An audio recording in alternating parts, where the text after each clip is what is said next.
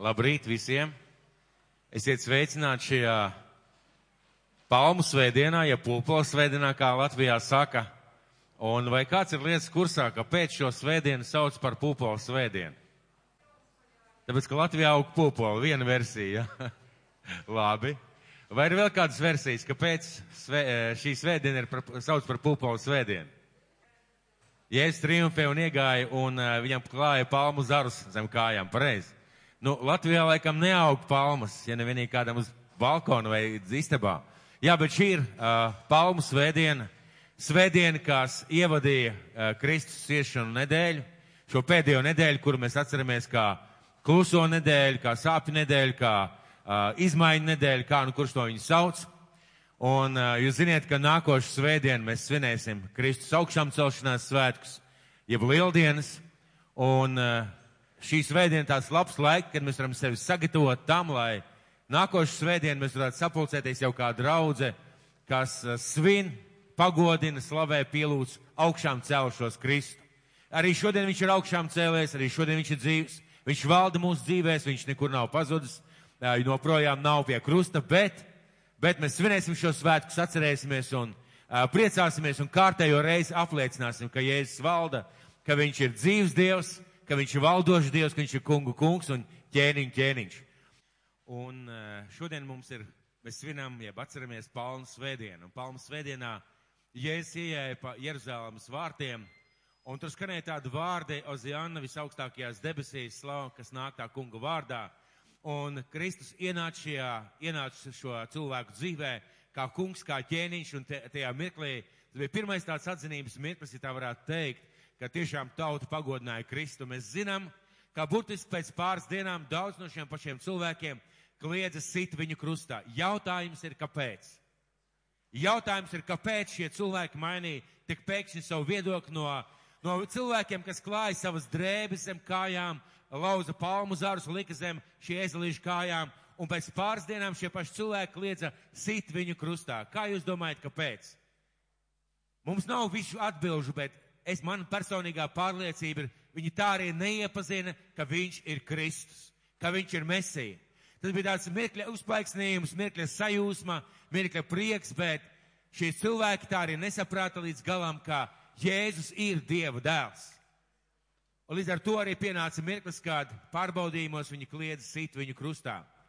Mēs esam šeit kā Kristus mācekļi, kā viņa sekotāji, un tas, ko mums vajag visvairāk un visdziļāk izdarīt, pat ne tik daudz brīnums, pat ne tik daudz zīmju, kas ir Dieva valstības uh, pazīme, bet mums vajag viņu iepazīt un viņu saprast, izprast viņa ceļus savā dzīvē. Un kā šajā psalmā, ko es lasēju, svētīgi ir tie, kas dzīvo tavā namā. Tie tevi slavē vienmēr. Ne jau tie, kas dzīvo baznīcā. Tad vissvētīgākie cilvēki būtu tie, kas baznīcā regulāri apkop dievnams Vai visvētīgākie cilvēki būtu baznīcas sargi vai permenderi vai vēl kādi cilvēki, kas regulāri dzīvo. Šie vietā Dievs runā par kaut ko citu. Viņš saka, svētīgi tie cilvēki, kas vienmēr ir Dieva klātbūtnē. Un tā ir mūsu personīgā izvēle. Svētīgi tie cilvēki, kas tevī atrod savu spēku.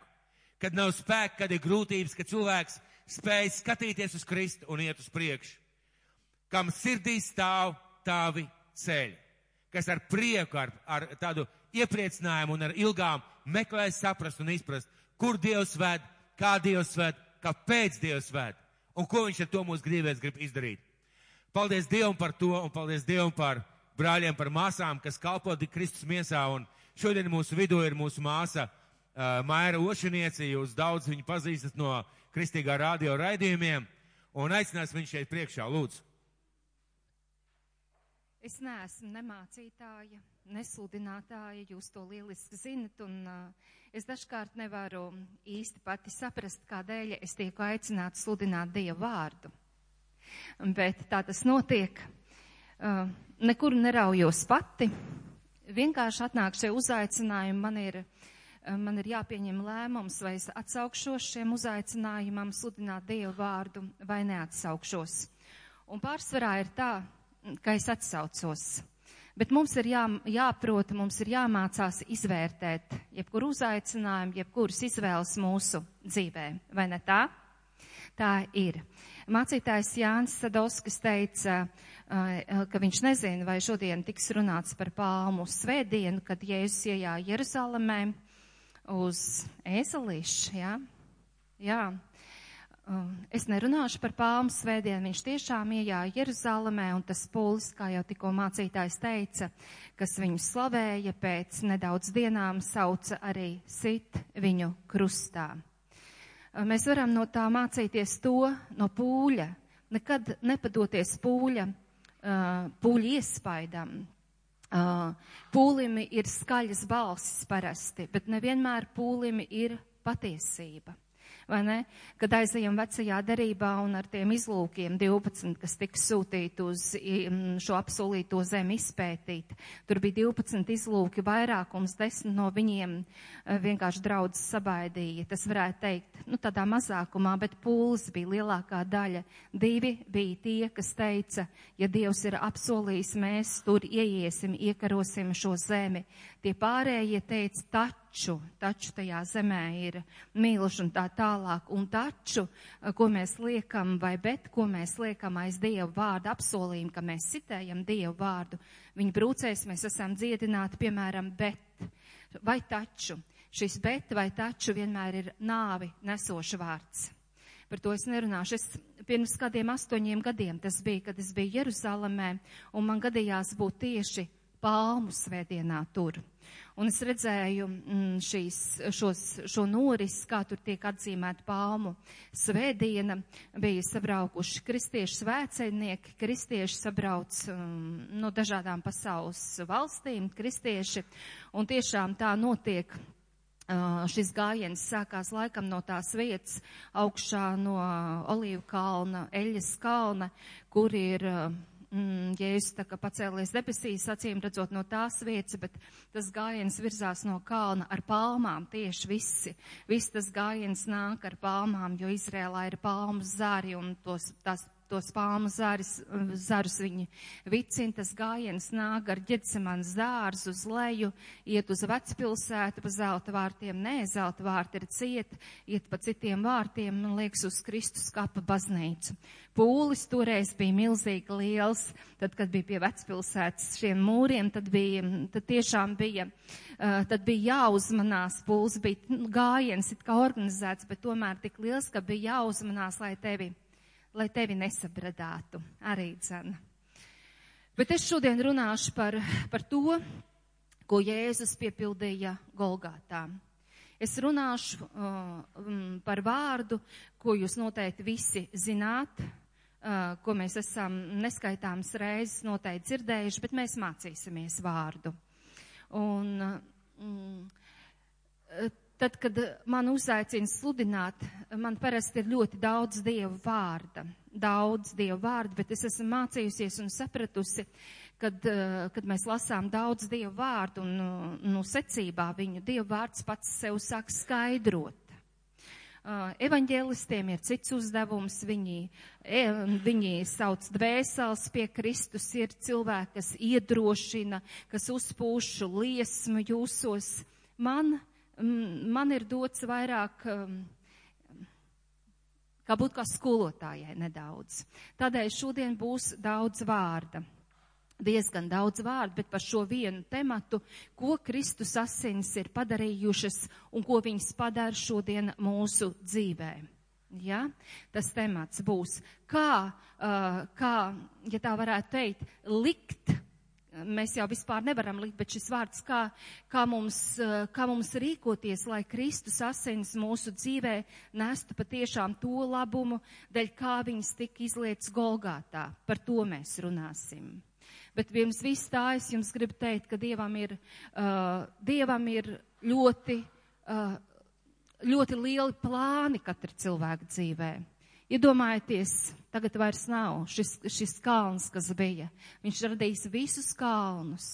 Viņš ir vad, radījis visas puķis tā, tādavos augstumos, kur neviens to nevar redzēt.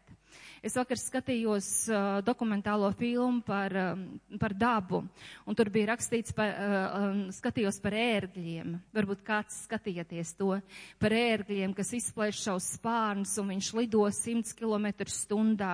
Un tad, kad viņš, uh, viņš ieraug savu medījumu, viņš spēja saskatīt medījumu 3 km attālumā. Iedomājieties, ja kāda redze?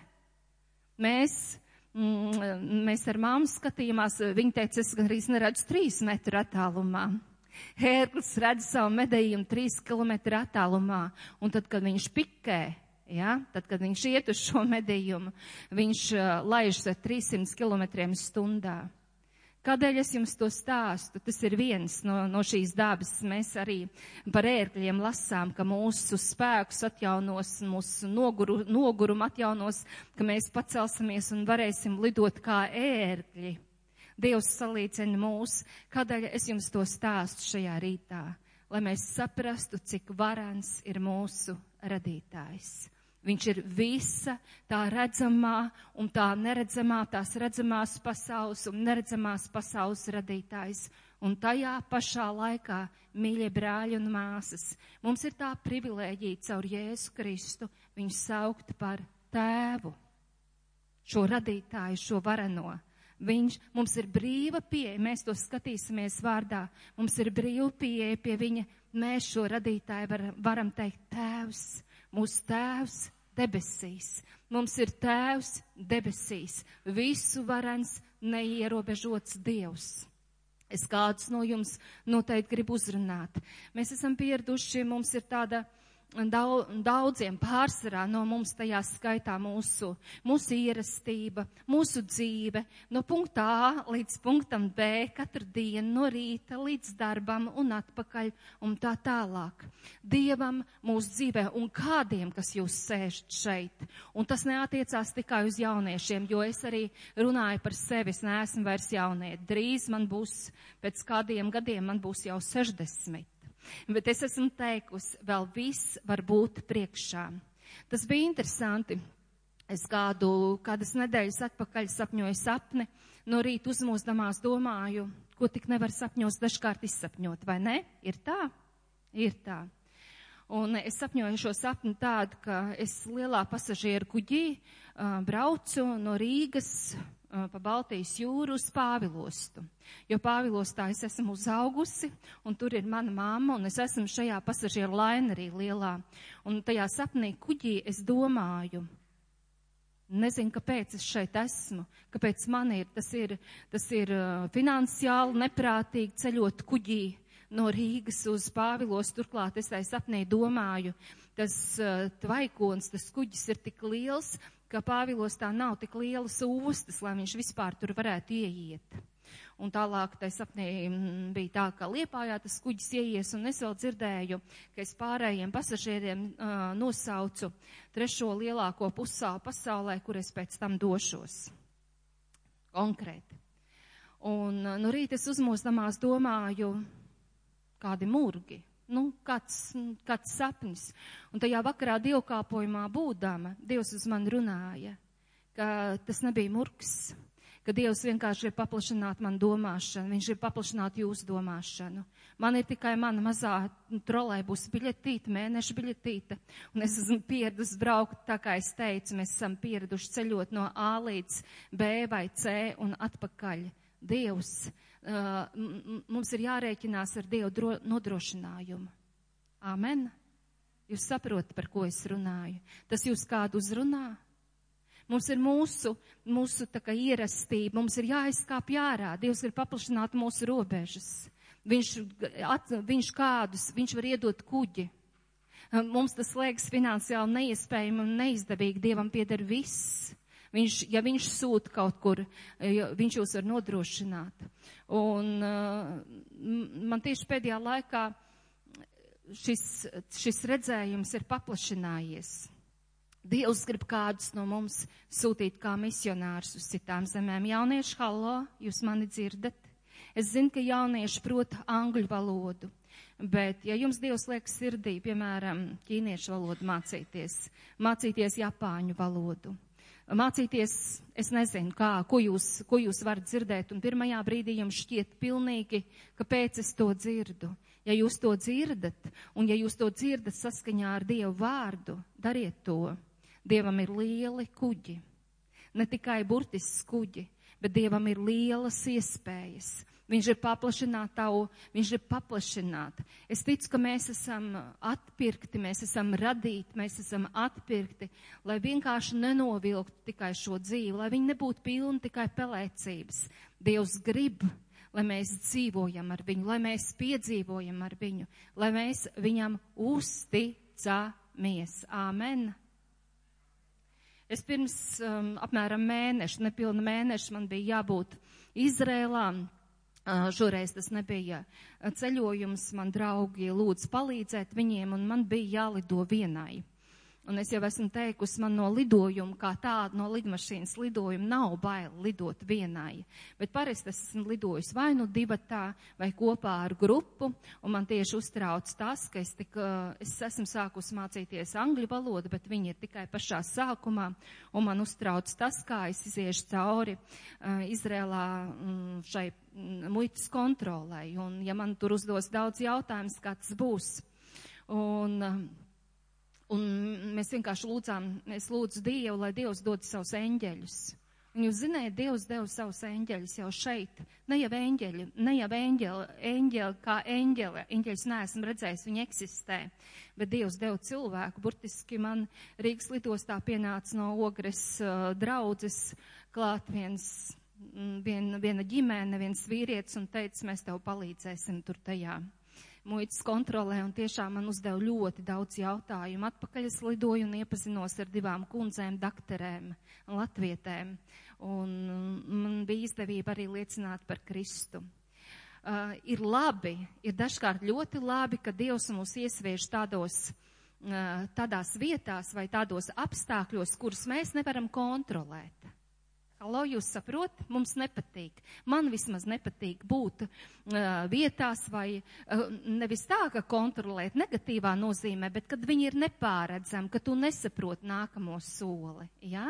Mums patīk, ka mēs pārzinām, mēs pārsvarā, es tāda esmu, es sapratu, ka es tāda esmu, bet lūk, es biju ļoti pateicīga pēc šī pēc šī brauciena, pēc šī lidojuma, jo es, jo es ļoti, ļoti reāli izjūtu, kā ir uzticēties Dievam un ka Dievs tiešām mums var pielikt eņģeļus cilvēku izskatā, ka viņš var pakārtot mums ceļus un tā tālāk. Ja? Halo, jūs esat, jūs esat to piedzīvojuši? Mēs gribam to piedzīvot. Ja mēs gribam to piedzīvot, tas, uh, tas nozīmē vienmēr izkāpt ārā no savas komforta zonas. Ja? Izkāpt pāri laivai, pāri laivas malai.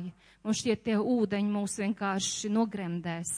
Kad Dievs saka, kāp ārā, izkāp no savas komforta zonas ārā, Dievs par tevi gādās ja viņš sūta tevi kaut kur, vai viņš liek tev kaut kādu darbu darīt, vai kādu uzdevumu draudzē darīt, ko mācītājs, piemēram, tev piedāvā, un tev, tu, tev liekas, tev nav tās spējas un arī nav resursu. Bet ja tas ir, ja tas ir aicinājums no tā kunga, tev ir jākāpj ārā no savas komforta zonas, jo tas kungs, jo tas kungs mums apgādā ar visiem nepieciešajiem resursiem ja vajadzīgs, viņš pieliek arī klāt eņģeļus. Vai jums ir kādam aicinājums, jaunie cilvēki? Vai Dievs kādreiz runājis, ka jūs sirdī klusu, klusu mācīties, piemēram, valodu, kaut ko mācīties, un, un teica, tev būs jābrauc no šīs zemes tālāk? Domājiet par to. Es ticu, ka, ka, Latvijā, ka, Dievs, ka Latvijā Dievs gatavo atmodu, ka šeit būs atmoda Uh, gatavojiet savus, savu prātu, ne tikai savu prātu, gatavojiet arī dabīgo platformu, lai Dievs var nākt ar pārdabīgo jūsu dzīvē. Es to runāju arī uz pusmožu cilvēkiem. Nenorakstiet sevi. Nenorakstiet sevi. Dieva domas, tā kā Dieva vārds saka, manas domas ir augstāks par jūsu domām, un mani ceļi ir augstāk par jūsu ceļiem. Dievs ir brīnum Dievs šajā pēdējā grāmatā, ja jūs kāds klausieties līdz šajā pēdējā lasījumā, man liekas, tas, tas bija Havai vai Fidžijas salās, vai tas ir viens un tas pats man jau ir sajūts, kad viņiem notika tur šī izlīdzināšanās. Tur, tur bija par piedošanu runa. Un tur bija tāda, tāda lieta, ka rifs, koraļa rifs bija izzudis, kur viņi zvejoja zivis. Un koraļa rifi atjaunojās tikai simts gadu laikā apmēram. Un kad šie cilvēki nožēloja grēkus un, un izlīdzinājās lūdzu piedošanu viens otru priekšā, un tur arī bija kāda, laikam, epizoda, viņš pat kaut kāds virsēts kādam kājas mazgāja, un, un tur bija kāda misionāra pirms, mm, es nezinu, cik gadiem vairs neatceros, vai viņi bija apēsti vai noslepkavoti, un tad šīs salas atgriezušies cilvēki eh, savāca naudiņu, lai viņi varētu atbraukt, notika izlīdzināšanās. Un šis korāļu rīfs pēc tam nākamajā rītā bija atjaunojies. Korāļu rīfi atjaunojās tikai simts gadu laikā, bet mēs kalpojam varenam Dievam, radītājam. Un mēs dzīvodam šajā pasaulē, dzīvojam pēc viņa likumiem. Un ja mēs dzīvojam pēc viņa apsolījumiem un viņa likumiem, tad viņa likumi darbojas un apsolījumi darbojās mūsu labā. Āmen! Šajā dienā tas bija tikai ievads, bet es skatos pulksteni. Un man iedrošināja arī šajā Kenningham grāmatā arī šis lasītājs. Es, es ļoti pateicīgi slavētājiem bija, bija bija īsa slavēšana, bet bija svētīga slavēšana, vai ne? Bija svētīga slavēšana. Un es, es esmu tādā pārliecībā, ka mums ir jānāk uz dievkalpojumiem sagatavojušamies, ka slavētāji nav tie, kas mūs, uh, viņi var ievest, palīdzēt, ieiet, atnāk Dievu klātbūtni, bet viņiem nav mūs jāiekurbulē. Es lietoju šādu vārdu, ja? Mums ir jānāk jau ar atvērtām sirdīm.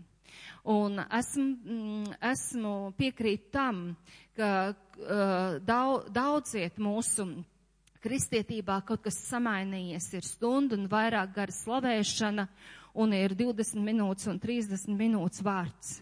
Un cilvēki ļoti bieži nespēja vārdu klausīties, un varbūt tas ir vienīgais vārds nedēļā, ko viņi dzird, bet vārds, Dieva vārds Tā ir sēkla, tā, tā ir mūsu barība, tā ir mūsu maize. Ar to mēs augam, ar to mēs pārveidojamies. Vārds uz mums runā. Vārds ir ļoti svarīgs. Tādēļ arī šajā šajā dienā es ar vienu, es ar vienu paskatīšos pulkstenī, lai es nepārtērētu jūsu laiku un lai jūs nenogurt, bet mēs šajā, šajā dienā runāsim diezgan daudz vārdu, bet viņš ies secībā. Es runāšu par Kristus asinīm, ko Kristus asins dara mūsu dzīvē, bet kad viņas ir spēcīgas mūsu dzīvē mazliet no cita, kā mums pielietot Jēzus asins, lai tās mums sniegtu labumu mūsu dzīvē.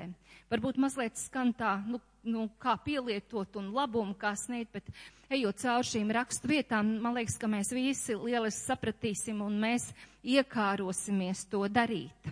Es jūs gribu iekārdināt to darīt, jo jūs redzēsiet, kādu labumu tas atnes.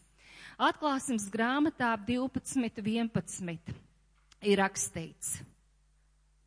Viņi to uzvarējuši ar tā jēra asinīm un ar savu liecības vārdu un nav savu dzīvību mīlējuši līdz nāvei. Atcerieties, mēs runāsim par asinīm, bet mēs runājam, tas temats ir, kā mums pielietot asins, lai tās nestu reālu svētību, aizsardzību, labumu mūsu dzīvēm. Viņi to uzvarējuši. Tad tas ir runāts par cilvēkiem, un tas tur ir apzīmēts. Viņi to, uh, tas ir vēlns. Šis konflikts ir vienmēr bijis. Ja? Cilvēks un vēlns arī šodien. Kas ir mūsu pretinieks? Kas ir mūsu pretinieks? Vēlns, kas staigā apkārt rūdams un vēro ko viņš varētu aprīt. Tas nozīmē, viņš visus nevar aprīt. Viņš vēro, kuru no mums varētu aprīt. Viņš aprīm, uh, viņš mūs nevar kristieši aprīt. Uh, mēs esam atpirkti ar Jēzus dārgajām asinīm, bet mēs savas nezināšanas dēļ uh, daudzkārt paši pieļaujam, ka viņš mūs ievaino, ka viņš mūs rīja. Jēra asiņu dēļ. Viņi to uzvarējuši ar tā jēra asinīm un ar savu liecības vārdu un nav savu dzīvību mīlējuši līdz nāvei. Tas ir lielākais konflikts, kas vēl parādīsies laiku beigās. Tas attiecas uz ticīgajiem, viņi, cilvēki. Kādi cilvēki bija tie, kas uzvarēja? Šajā rakstu vietā mēs to varam ieraudzīt. Viņi to uzvarējuši ar tā jēra asinīm, savu liecības vārdu, un vēl viens uh, šo cilvēku grupas raksturojums ir tas, uh, ka uh, šie cilvēki bija tie, kas savu dzīvību nav mīlējuši līdz nāvei. Ja? Viņiem nebija savu dzīvību tik dārga. Tādi cilvēki, tie bija pilnībā nodevušies, šeit raksta vieta runā par pilnīgi nodevušamies cilvēkiem uh, Jēzum. Šie bija cilvēki. Šajā rakstvietā runāts ir par cilvēkiem, kas bija pilnīgi ziedojuši sevi Jēzum. Tāds jau ir aicinājums visiem tiem, kas nāk pie, pie Kristus. Jo romiešiem, uh, to es nepateicu, nu, jums nav jāmeklē, romiešiem 12.1 ir rakstīts, lai mēs paši atnesam sevi kā dzīvu, dievam patīkamu upuri. Tas, lai ir mūsu garīgais dievkāpojums. Tas nozīmē, šī raksta vieta paskaidro arī šo m, savu dzīvību, Tas nozīmē, ko nolikt sev kā dzīvu upuri, nemīlēt savu dzīvību līdz nāvei, labprātīgi sev nolikt uz šī altāra, atšķirībā no vecās darības, kur lopiņu nokāva un viņu beigtu nolikt uz altāra. Romiešiem 12.1 mums parāda, ka Dievs mūs nenokauj, Viņš ar vāru nesasien mūsu kājas un mūsu rokas un nevēl, lai mēs nododamies kāpošanai viņam. Viņš grib labprātīgi, lai mēs sevi kā dzīvu upuri nododam, ja? Lai mēs to darām labprātīgi. Dieva gars ir vienmēr tas, kas mums dod izvēli, arī tad, kad mēs esam kristieši. Vēlns dara tā. Es, um, mm, Es savā grupiņā mācīju, vēlns dara tā, uh, kā var atšķirt, kā Dieva gars runā un kā vēlns. Uh, mēs esam spēlējuši bumbu un situši vismaz bērnībā pret kaut kādu sienu, ja? Un vēlns dara tā, viņš tev tik ilgi bombardēs, kamēr būs caurums tajā sienā. Viņš tev vienkārši bombardēs. Esat piedzīvojuši, jā, ja? ka viņa domas ir uzmācīgas, viņš uzmācās, viņš tevi aps, nu, tā kā tu kļūsti apsēs ar kādām, ar kādām domām. Svētais gars nekad tā nedara. Viņš runā, viņš runā, Viņa balss dažkārt ir klusa, dažkārt stiprāka. Tev ir izvēle paklausīt vai nepaklausīt. Un tad, tad, kad tu izvēlējies vēl vilcināties, viņš no tevis tā kā stājās, ieraujās, varētu teikt, istabas kaktiņā, pēc kāda laika to atkal dzird viņa kluso balsi. Tāda ir atšķirība. Tātad, uh, šī rakstu vieta atklāsums 12.11 mums rāda to, kādi cilvēki bija tie, kas uzvarēja ar Kristus asinīm un ar savu liecības vārdu tie, kas savu dzīvību nemī, nebija mīlējuši līdz nāvei. Sātans baidās tikai no tādiem cilvēkiem, kuri pilnībā ir nodevušies Jēzumu. Mēs ir bīstam, viņam, viņam ir ārkārtīgi bīstam tādi cilvēki, kur ir pilnībā nodevušies Jēzum. Tādēļ viņš pūlas mūsu dzīvē, lai mēs kādu kripatiņu, kādu savu sirds daļiņu vai kādu savus uh, dzīves jomu atstātu un pārvaldītu paši sevi. Viņa es jūs sevi un jūs šajā dienā aicinu pilnībā nodoties Kristum, tad jūs kļūsiet bīstam šim ienaidniekam, tad jūs varēsiet viņam stāvēt pretī, padodieties Jēzum, stāv rakstīts. Tā ir tā padošanās. Stāviet vēlnam tad pretī, vispirms padodieties Dievam, stāviet pretī, un ko vēlns darīs? Bēgs, no mums bēgs. Bet bieži mēs darām tā, ka mēs esam kristieši, kas slēpjamies aiz krūmiem un gaidām, kad vēlams aizmuks no mūsu dzīves. Tādu taktiku Dieva vārds nepiedāvā. Viņš piedāvā taktiku, stratēģiju, padoties Dievam, stāvēt vēlnam pretī. Vēlns no mums vienkārši bēgs. Uh, pats galvenais šiem cilvēkiem bija tas, uh, piepildīt Dieva gribu neatkarīgi no tā, vai tas viņiem maksās dzīvību. Vai tādi bija pirmie kristieši? Tādi bija pirmie kristieši. Viņiem pat bija gods, esmu lasējusi, tāpēc, ka viņu kungs Jēzus gāja nāvē. Viņiem pat bija gods asins liecinieku nāvē iet. Ja? Šodien kristiešu pasaulē mēs dzirdam mm, dažādās ziņās arī kristīgajā radio, kristīgajās ziņās šajās uh, islāma kontrolētajās valstīs, kur ir mm, šie Nu, šie kaujinieki, ja, viņi kristiešiem publiski, mēs pat bērniem Es, es kādā vietā stāstīju, kur bērniem uh, nocirta vispirms, vai tu atteiksies no Kristus, tev nocert vienu rociņu, neatsakies otru rociņu un tā uh, nocērtot locekļus viņus nogalina. Tas ir šodien. Šie bērni iepazinuši Kristu, viņiem dzīvība nav tik dārga, viņi ir iepazinuši šo dzīvību nemīl līdz nāvēja.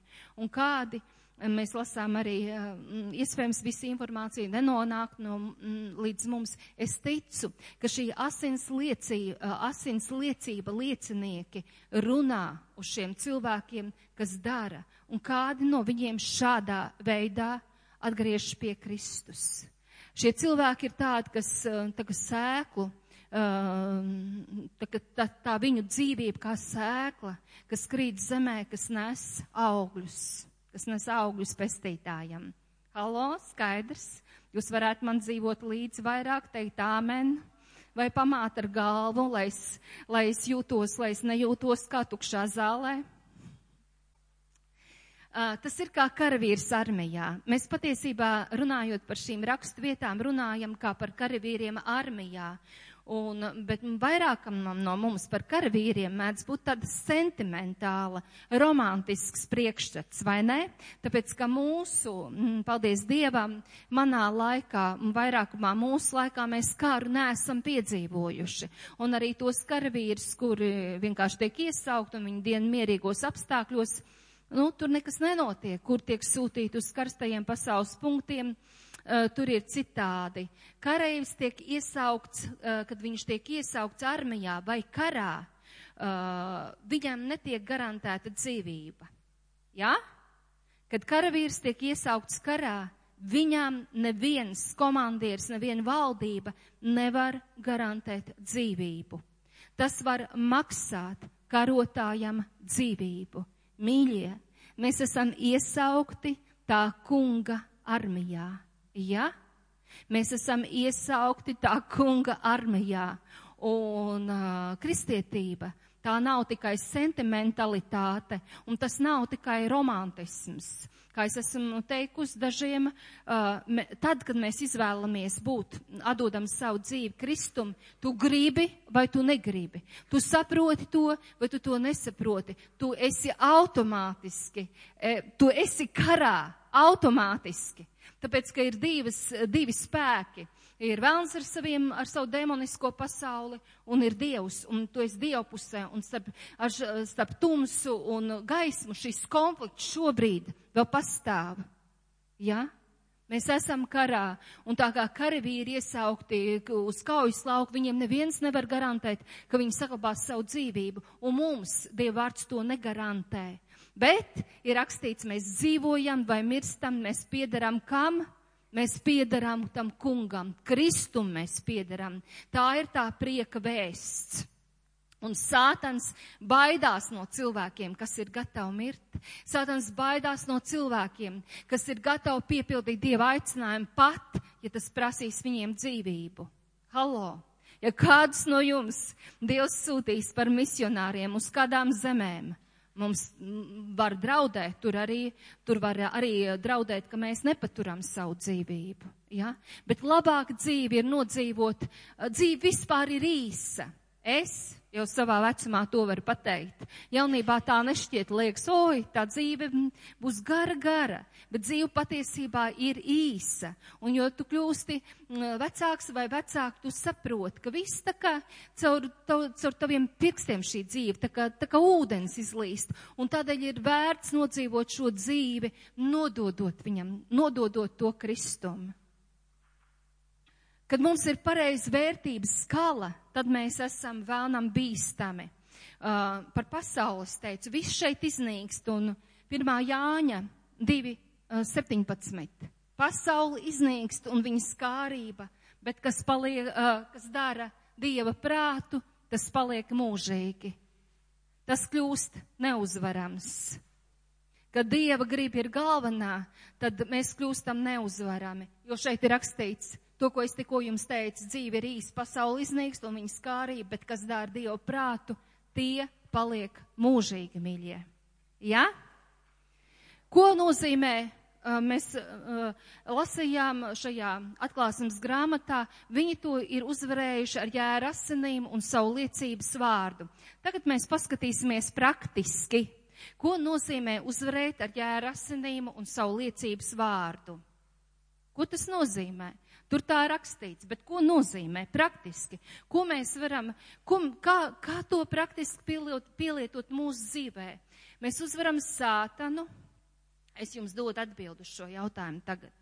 Mēs uzvaram sātanu, kad personīgi liecinām par to, ko saka Dieva vārds par Jēzus asins darbību mūsu dzīvē, mūsu labuma dēļ. Es spēju izsakot šai domai līdzi. Mēs uzvaram sātanu, ko nozīmē uzvarēt sātanu ar Jēzus asinīm savu liecības vārdu, šie divi kopā, mūsu mutu un, un, un Jēzus asins. Mēs uzvaram sātanu, kad personīgi atveram savu muti, tas ir liecinām par to, ko saka kas, nevis to, ko es domāju, ko saka Dieva vārds par Jēzus Kristus asins darbību mūsu dzīvē, mūsu labuma dēļ. Saprotams? Saprotams, jā. Ja? Šeit ir iesaistīta mūsu mute, un mēs apliecinām to, nevis tas, kas mums ienāk prātā, to, ko mēs domājam, bet ko saka, jē, ko saka Dieva vārds par Kristus asinīm. Ja? Viņi to ir uzvarējuši ar, ar jēra asinīm un savu liecības vārdu. Mēs runājam, kā praktiski to pielietot. Un tagad aiziesim uz veco derību, lūdzu, man uzlieciet otro mūzes grāmatu 12. nodaļa, 21. 23. pants. Tad mūzes aicināja visus Izraēlu vecais un tiem sacīja, ejiet un ņemiet savai saimē jērus un nokaujiet tos paskā svētkos. Ņemiet pušķi īzapu un mērciet to asinīs, kas bļodā, un aptrēpiet palodu un abus durvju stābus ar asinīm, kas bļodā, un neviens neizejiet pa savu namu durvīm līdz rītam. Un 23. kad tas kungs nāks, lai sistu eģiptiešus un redzēs asins uz palodām un abiem durvju stabiem, tad tas kungs ies garām tām durvīm un neļaus maitātājiem ienākt jūsu namos, lai jūs sistu. Paturiet man šo rakstu vietu. Tas nozīmē, es jums raku, tā ir vecā derība. Vecā derība norāda, paskā jērs norāda uz Jēzus Kristus. 1. korintiešiem 5, 7 ir rakstīts, ka mūsu paskā jērs ir Kristus. Mēs atnāksim atpakaļ uz šīs raksturvietas, uzlieciet man lūdzu 1. korintiešiem 5, 7. Jā, izmēziet veco raugu, lest jaunu mīklu, jūs taču esat neraudzēti, jo arī mūsu paskā jērs par mums ir upurēts Kristus. Jūs redzat šo uh, kopsakarību starp veco darību un jauno darību. Vecā darība norāda uz jauno darību. Paskatīsimies mazliet, kā viņiem bija jāsagatavojās vecajiem, vecajiem. Viņš uzrunā vecais tēvus. Un šeit vēl tāda piebilda, ja tēvi būtu noziegušies, tad paskā nebūtu, nebūtu pasargājis. Tur bija Tēvi šodien, arī šodien tēvi, jūs esat atbildīgi par saviem bērniem. Ja? Par, es neizvēstīšu šo, šo domu tālāk. Tātad, paskā jērs viņiem bija jāatrod, nu, nevis jāatrod, viņiem bija vajadzīgs jērs vai uz vienu ģimeni vai uz vairākām ģimenēm. Tad šis jērs bija jānokauj, jāupurē tad asins bija jāsavāc kur, kur šī raksturvieta saka, bļodā bija jāsavāc asins. Asins bija ļoti dārgs, neko nedrīkstēja izliet zemē. Bet asinis, tad viņiem bija bļodā jāsavāc. Kas bļodā? Mērt, jā, Tātad viņiem bija asins, jā, visas bļodā bija, jā, neko zemē nedrīkstēju, bet asins bļodā nevienu neaizsargāja. No cilvēkiem tur, no, no šiem cilvēkiem, no izrēlēšiem tika prasīts, ka asins pārvietot no trauka uz durvju stenderēm un, un palodām. Jā? Varam secināt pēc šīs rakstu vietas. Bļodā palikušas asinis nevienu izrēliet no maitātāja nebūtu pasargājušas. Un, uh, lai pārvietot no bļodas uz uh, durvis tenderēm un, un durvju stabiem un, un palodām, bija jāņem īzapa pušķis, jāmēr ciekšā šajā bļodā un jāsmērē ar šo īzapa pušķi šīs palodas un durvju stenderis.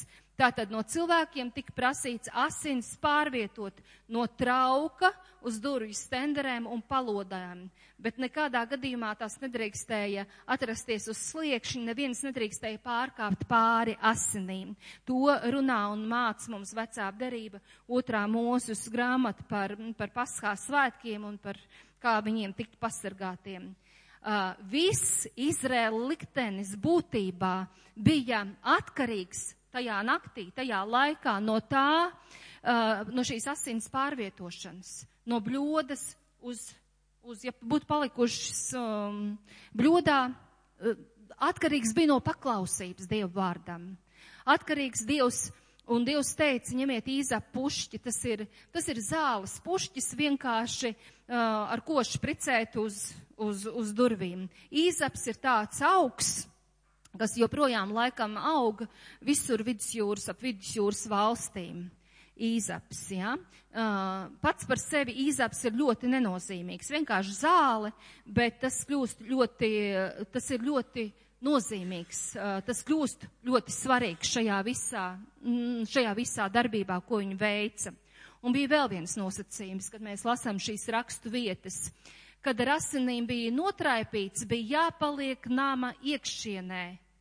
Tikko uh, cilvēki izgāja ārā no turienes, asins vairs nepasargāja. Ja? Pirmā pētera, pirmā nodaļa, pirmais, otrais pants. Pēters Jēzus Kristus apustuls svešiniekiem kas izkaisīti Pontā, Galatijā, Kapadoķijā, Āzijā un Bitinijā, ko Dievs Tēvs pēc iepriekšējā lēmuma izredzējis garās sveitīdams, lai tie būtu paklausīgi un taptu apslacīti ar Jēzus Kristus asinīm. Žēlastība un miesla jums ir bagātīgi. Redzat? Lai tie ir paklausīgi un būtu apšacīti ar Jēzus Kristus asinīm. Paklausība. Es tikko runāju, runādām par veco derību un šo paskā jēru, es runāju par paklausību. Ja? Šeit Pēters raksta, lai tie būtu paklausīgi un tad tapt apslacīti ar Jēzus Kristus asinīm. Paklausība.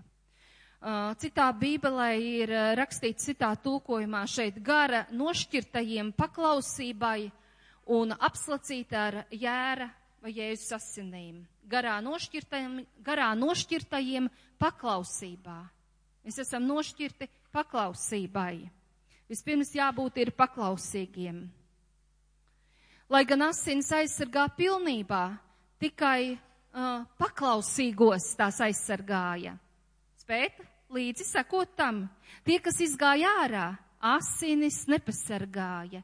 Šīs, šīs darbības neko nedēļ cilvēkiem, uh, kas izgāja ārā. Viņiem bija jāpaliek iekšpusē mums, mēs, mums ir jāpaliek Kristu, jā, ja? šodien. Nevaram tā darīt, ka Kristu pieņēmuši, mums ir rakstīts dzīvojiet viņā, palieciet viņies, sakņojieties viņā. Tikko mēs izējām no Kristus ārā, kristieši būdami, mēs, arī Kristus asins mūs nepasargā, ja mēs grēkojam, es domāju. Tas ir apmēram tā, ja karavīrs sēd tranšajā, tranšai viņa aizsargā tad, kad, tad, kad notiek apšaude vai kā. Mūs Kristus pasargā, tas ir tā kā mēs sēžam tā kā tranšajā, tikko mēs mm, izliekam roku vai galvu izbāžam ārā, ienādnieks mūs redz un viņš var ies, iešaut šajā rokā vai galvā. Tikko tu no Kristus izlien ārā tādā veidā, ka tu grēko, tu esi vēlnam redzams un viņš tevi var ievainot, un tās ir bieži vien durvis, par kuru viņš var ienākt tavā dzīvē un kaitēt tev. Amen? Saprotat? Jūs, jūs pilnībā izsakoja, jūs izsakojāt līdz šim vecās darības notikumam saistībā ar jauno darību. Par jauno mēs vēl runāsim. Pāvils pirmā vēstulē korintiešiem 5.7 saka, ka Kristus ir mūsu paskā, upurēts par mums. Jā? Ja? 1. korintiešiem 5, 7.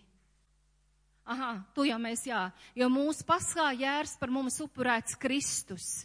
Viņiem bija paskā jērs, mums ir upurēts Kristus. Tālāk mēs uh, paskatīsimies, nu, kā, ko nozīmē, ko nozīmē, kā, kā līdzībā nozīmē šo, šī bļoda, kas ir īzaps, asins ir asins, kā, tas, kā mēs to varam savienot kopā, kā mums šodien praktiski to pielietot ar savu mutes uh, liecību un jēra asinīm, kā uzvarēt. Jēzus ir kā asinis tajā traukā Bet mums, kā Izrēlam, tas ir jāpārvieto tur, kur, mums, tur, kur mēs dzīvojam, tur, kur mums ir vajadzīga aizsardzība. Sarežģīts skan? Nē, es arī domāju, ka nē. Kristus izlietās asins mēs varam salīdzināt ar tām asinīm, kas ir traukā, bet mums kaut kas ir jādara ar, šo, ar šīm asinīm, lai mēs gribētu, lai tās mūsu labā darbojas bibliskā veidā, lai tās aizsargā mūsu dzīvi. Kādā veidā mums šīs asinis, Kristus asinis, ja varētu teikt, pārvietot savā dzīvē. Kā to izdarīt? Atklāsmes grāmata, atkal es jums saku, viņi to uzvarējuši ar jēra asinīm un savu liecības vārdu. Ar savu liecības vārdu Tas nozīmē sacīt to, ko raksti saka ar savu liecības vārdu. Sacīt tieši to ar savu muti, ko saka raksti. Mīļie, mūsu mute ir kā tas īzapa pušķis. Ja? Vienkārši. Tas kā īzapa pušķis mēs tās asinis ar savu muti no Dieva vārda, to runādami, aiz, aiznesam savā dzīvē, uz saviem namiem, par saviem mīļajiem, par tur, kur mēs pa. Halo, jūs man saprotat, jā, nav jāpaskaidro tālāk. Asinis ir Kristus upuris, īzaps ar savu liecības vārdu. Man, mana mute ir kā liecības pušķis, ar to es tā kā izšpricēju tās asins, un maitātājs man var paiet garām. Ebrejiem 3.1. Ņemiet vērā. Tāpēc svētie brāļi, debes aicinājuma dalībnieki, ņemiet vērā Dievu sūtni un augsto priesteri Jēzu, ko mēs apliecinām. Mūsu apliecināšanas augstais priesteris. Mēs apliecinām to, ko Dieva vārds saka. Ja? Viņš bija vārds un vārds tapa miesa. Nu, mēs apliecinām mūsu apliecināšanas augstais priesteris. Tad, kad mēs izsakām to, ko Dieva vārds saka, tad, tad mēs savienojamies ar, ar, ar Jēzu. Viņš ir mūsu apliecināšanas augstais priesteris. Apliecināšana nozīmē to, ka mēs sakām tieši to, ko saka Dieva vārds Mēs to sakām ar savām lūpām. Apliecināšana nav runāšana. Es ticu, ka būs labi. Es ticu, ka man viss izdosies. Apliecināšana, par ko es jūs šodien mācu, nozīmē runāt tieši vārds vārdā to, ko Dieva vārds saka un sacīt to ar savām lūpām, mīļie. Un lietojot Dieva vārdu apsolījumu, ne, nu, jā, viņš man ir atpircis ar asinīm, bet nelietot to bet un taču, tad šis, tad šis, tad šis liecības vārds nedarbosies. Viņš šis, šie vārdi bet vai mūsu šaubas atnes, viņi atnes sakāvu vai nāvi no saviem vārdiem tu tiks tiesāts vai attaisnots Dieva vārds saka. Jo Jēkabs runā Jēkaba vēstulē ļoti daudz par muti. Tas atkal ir cits temats par muti, ka mute, mute mūsu mēle. Tā ir tik maz loceklis, bet var tā izdarīt, uh, ja viņi, viņi ir pareizi lietot, viņi var mums atnest ļoti lielu labumu, bet ja mēs viņu nepareizi lietojam, šis mazais loceklis proporcionāli mums var atnest nesamērā, nesamērojamu ļaunumu mūsu dzīvē vai nesamērojamas sakāvis mūsu dzīvē. Mūsu mute ir salīdzināta ar īzāpa pušķi šajā gadījumā, kad mēs runājam par asinīm. Tam ir, mūsu mutē ir jāpārvieto, uh, tā kā jāpārvieto, uh, kad viņi izsaka vārds vārdā, kad mēs apliecinām vārds vārdā to, ko Dieva vārds saka par asinīm. Mēs pārnesam uz savu dzīvi un šīs asins darbojas mūsu labā. Un mēs tālāk skatīsimies, kādā veidā, es dažus punktus, mēs paskatīsimies, ko asins ir izdarījušas un ko Jēzus Kristus asins joprojām tagad, tagad, kad mēs sēžam šeit, kad mēs aiziesim mājās, kad mēs dzīvosim tālāk, ko viņas ir izdarījušas. Nenonieciniet sevi, jo uh, mute, mēs muti varam Mums mute ir jālieto pareizi. Es esmu par to runājusi, ka septiņnieks vispār ir tāds um, um, pilnības skaitlis Bībelē. Uh, septiņas reizes mm, ap Jēriku gāja, septiņas reizes nāmanam lika mērsēties upē, lai viņš šau savu to spitālību zaudētu. Tad vēl septiņas reizes priesteri šļakstīja, septiņas reizes ar to um, apšakstīja.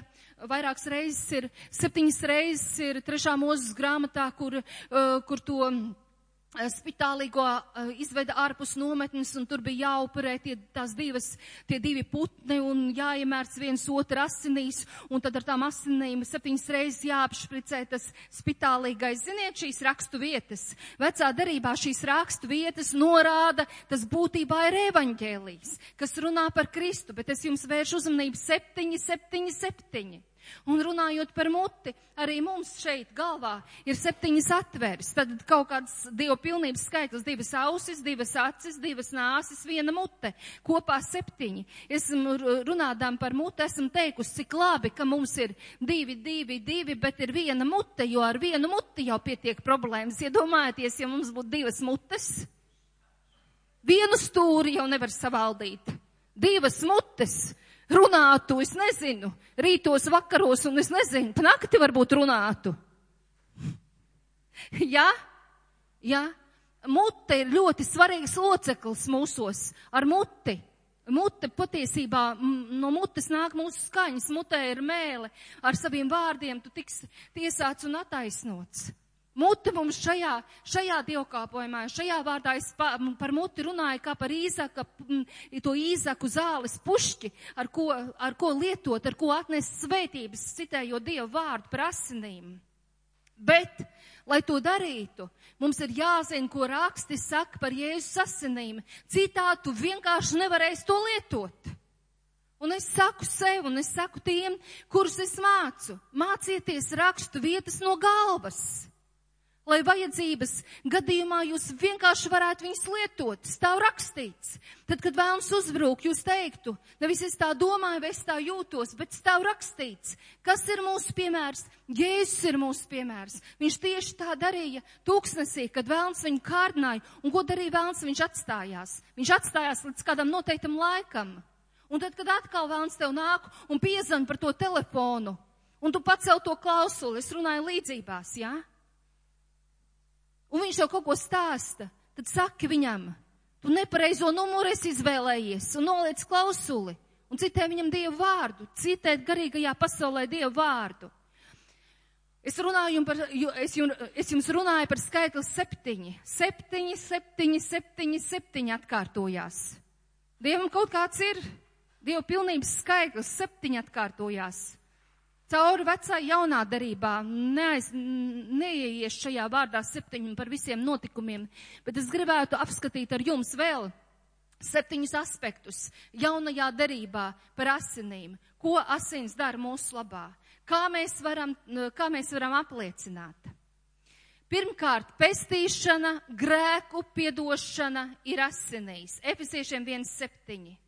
Viņā mums dota pestīšana, viņa asinīs, grēku piedošana pēc viņa bagātās žēlastības.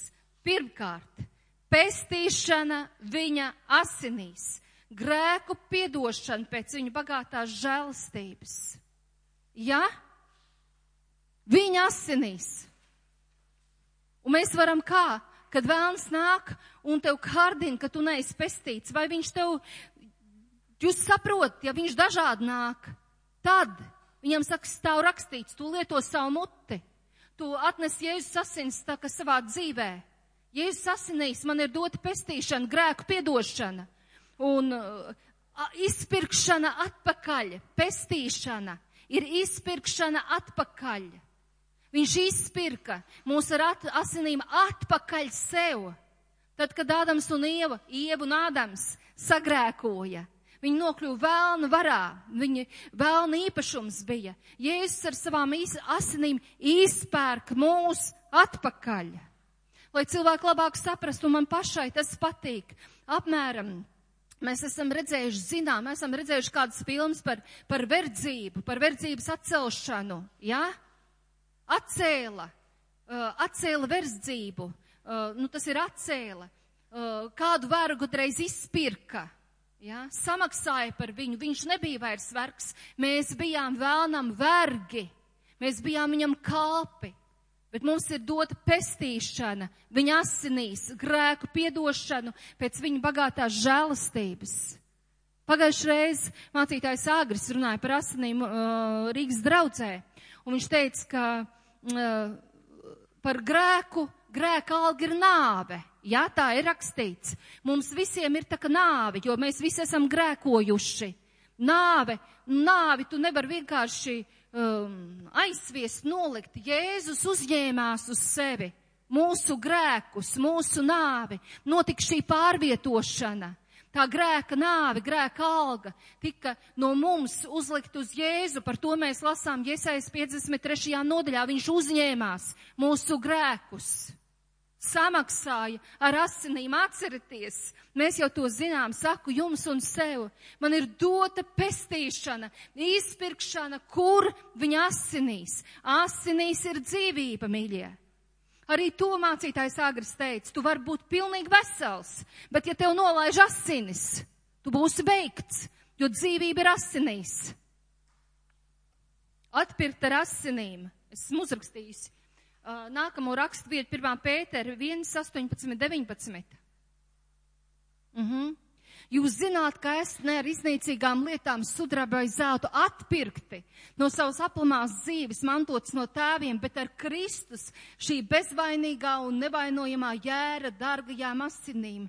Jūs zināt, jūs zināt, Pēters rakst, jūs zināt, es jums teikšu, mums ir jāzina, ka mēs esam atpirkti, mēs esam brīvi, mēs, esam, nu, mēs neesam vairs vēlni vergi.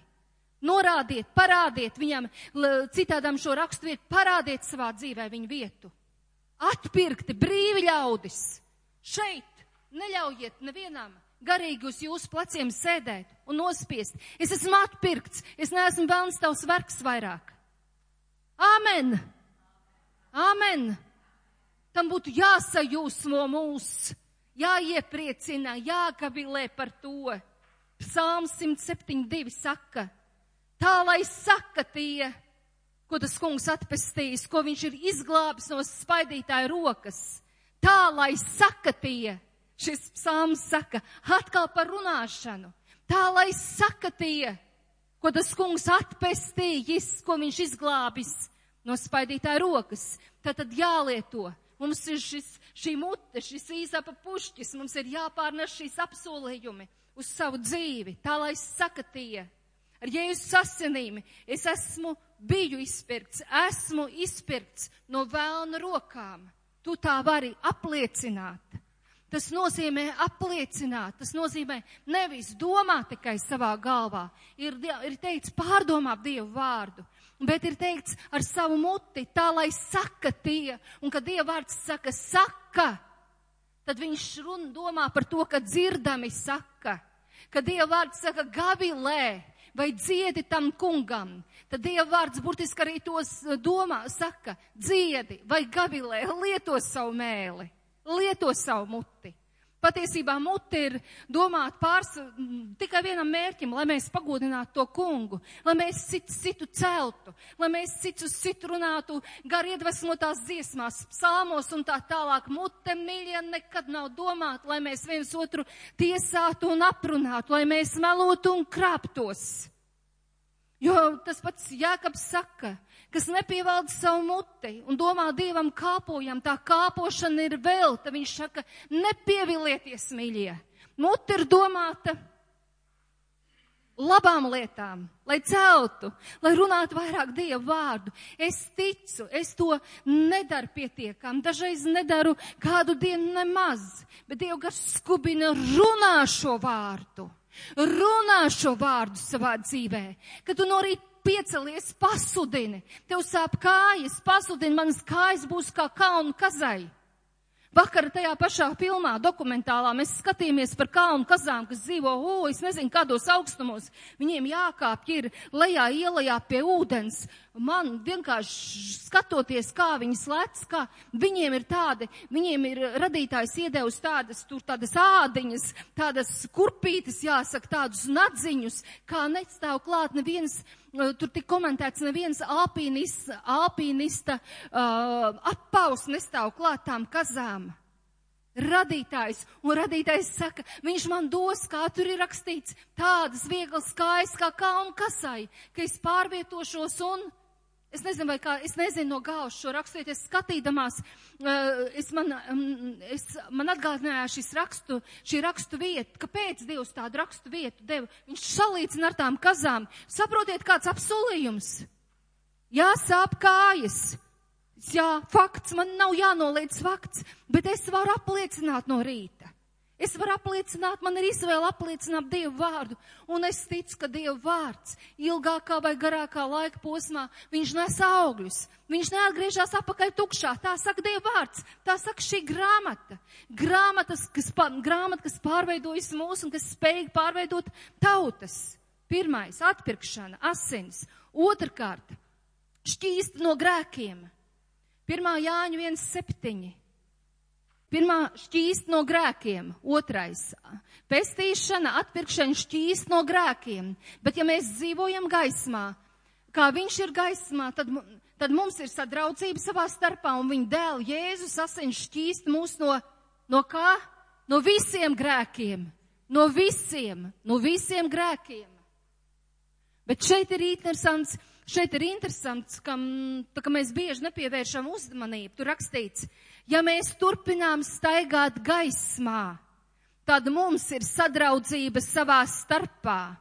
Ja mums nav sadraudzības savā starpā, mīļie brāļi un māsas, uh, vienalga, mācītāji, kalpotāji, mairais, var teikt, ja tev nav ar kādu cilvēku sadraudzība, tev nav, tev nav jābūt, nu, tev viņa, ar viņu nav jādraucējās un roku rokā jāiet, bet jūs saprotiet, par kādu sadraudzību es runāju tad tu nestaigā gaismā.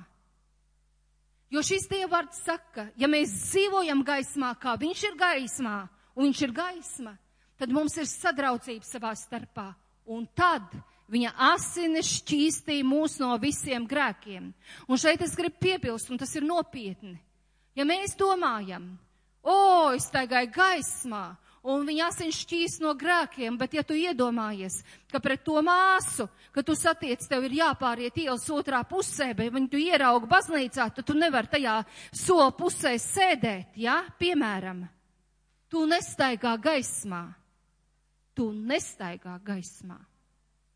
Un Jēzus Kristus asins tevi nevar šķīstīt no visiem grēkiem.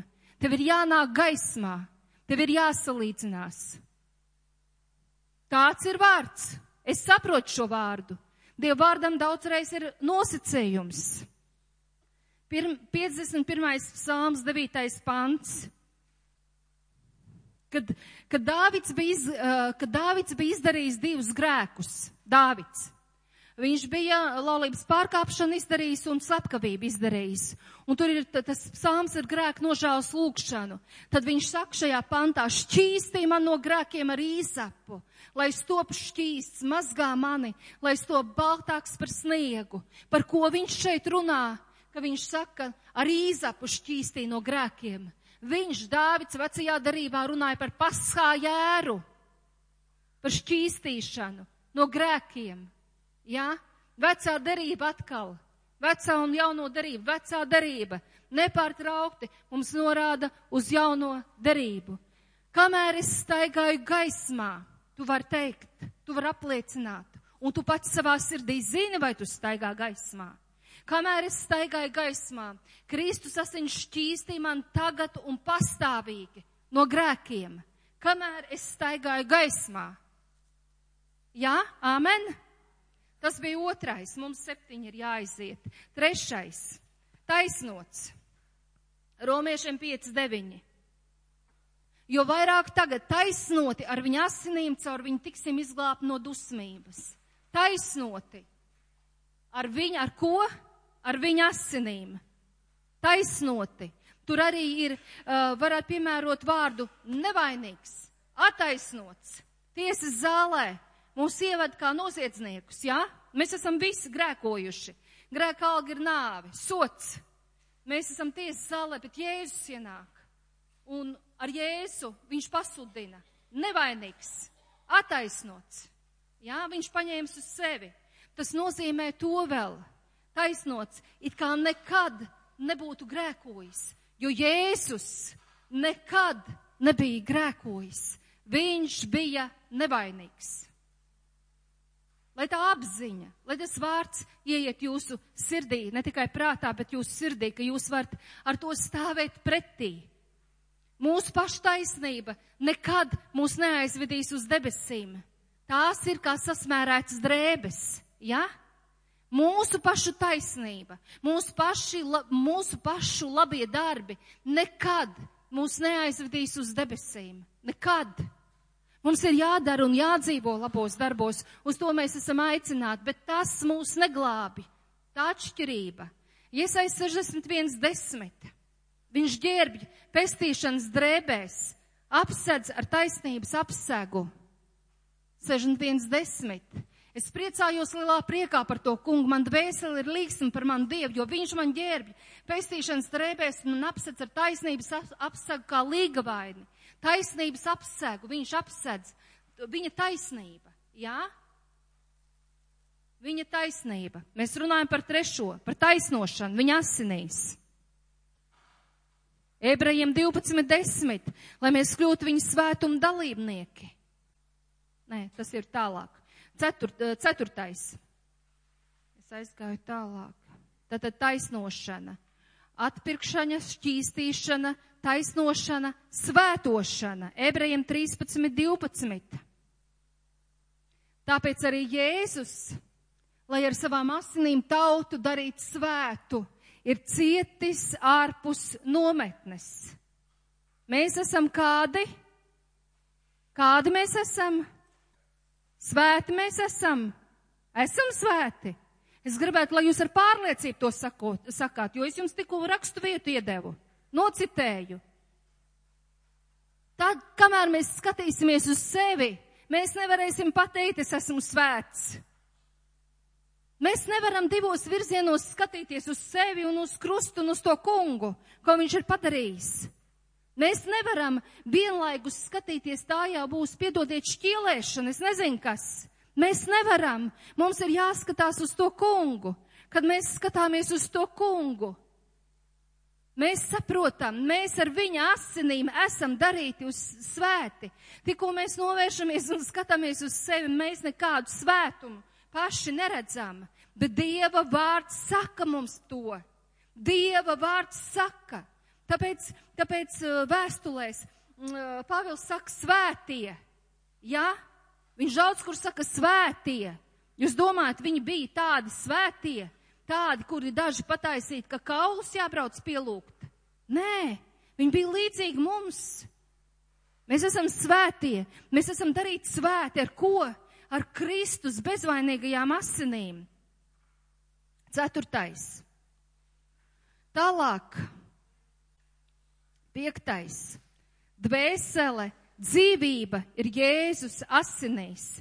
3. mūzes 17, 11. Jo miesas dvēseli mīt asinīs, tādēļ es tās jums esmu devis uz altāra, lai jūs dvēseles tiek salīdzināts, jo asinis salīdzina dvēseli. Asinis salīdzina dvēseli.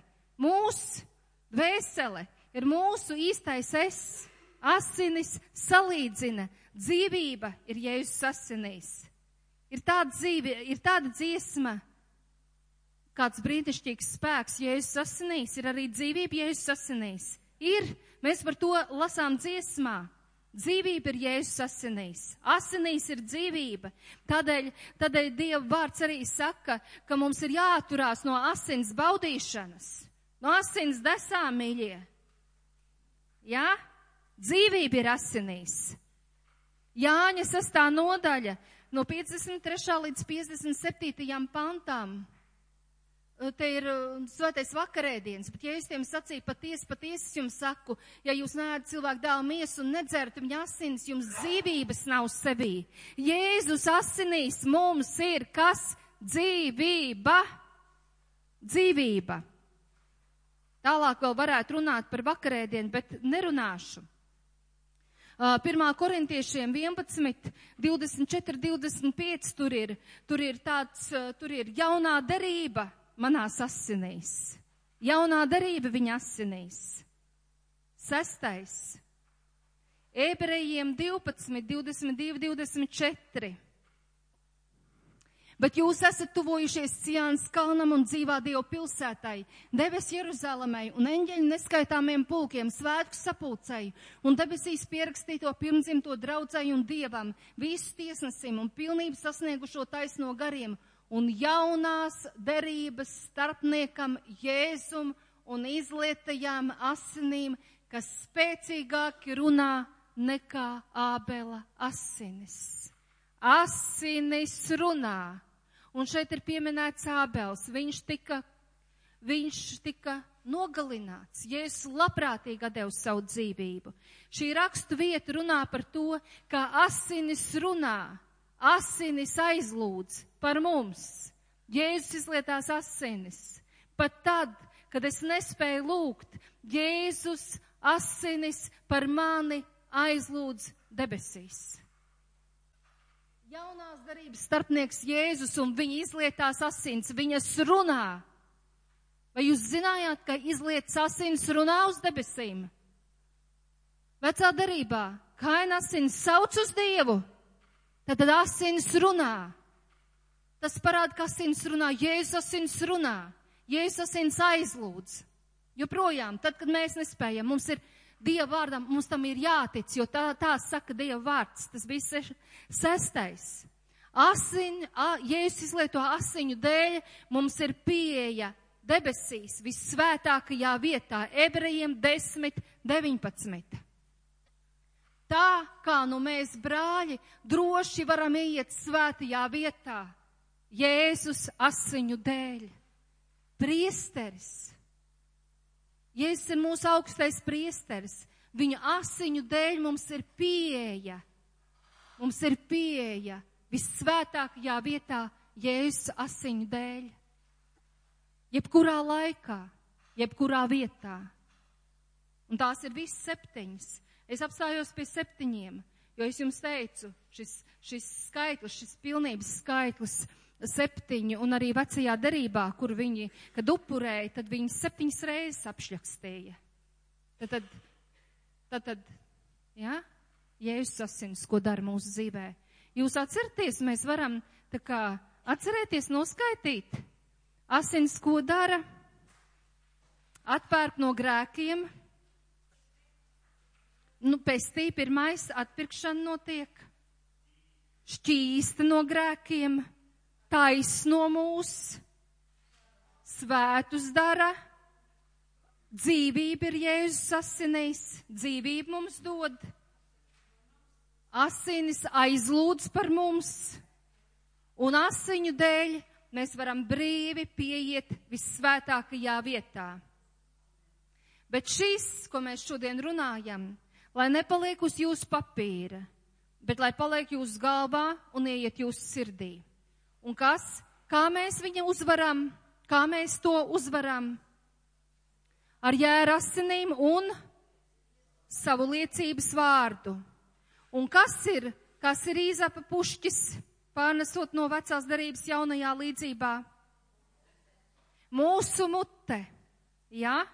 Un asinis mūs ir atpirkuši, bet lai mēs lai asins, lai viņas aktīvi varētu darboties, lai, viņi, lai mēs gūtu labumu. Tā, tā mazliet, es nepro, neesmu izdomājusi, kā citādi pateikt, lai mēs gūtu labumu no tā. Nevis, nevis tā, ka mēs izsistu labumu, bet lai viņas nestu to, to labumu, to svētību, lai viņas nestu, kādēļ viņas ir izlietas. Mums ir jāmācās šis vārds, un mums ir tas jāatnes ar savu muti savā dzīvē, savā, savās vietās, kur mēs dzīvojam. Tad, kad mums ir problēmas, mums ir, mums ir savu muti jālieto un jāuzvar. Viņi to uzvarējuši ar savu, ar jēra asinīm un savu liecības vārdu, un ko nav darījuši, un savu dzīvību nav mīlējuši līdz nāvei. Un es esmu pārliecināta un es ticu, ka laiki paliek tādi, ka cīņa, šī garīgā cīņa paliks nopietnāka, paliks jūtamāka, paliks agresīvāka. Un Dievs vēlas, lai viņu bērni tiktu sagatavoti, lai svētie tiktu sagatavoti kalpošanas darbam, lai viņi paši kļūtu stipri un katrs no jums tiktu sagatavots kam kalpošanas darbam. Lai kādi no jums varētu iziet ne tikai šeit ielās, bet izsūtīt arī par misionāriem. Un asinīs vēl ir, Jēzus brūcēs mums, kas vēl ir? Dziedināšana. Dziedināšana, arī dzana. Dziedināšana. Iesais 53. Pēters tur raksta. Dziedināšana. Tas arī ir par asinīm. Es beidzu. Vai jums derēja? Dievvvārds vienmēr nodara. Dievvvārds vienmēr nodara. Dievvvārdam ir jādarbojās mūsu dzīvē, jo mēs esam dzimuši no šīs neiznīcīgās sēklas. Āmen. Lai Dievs jūs svētī.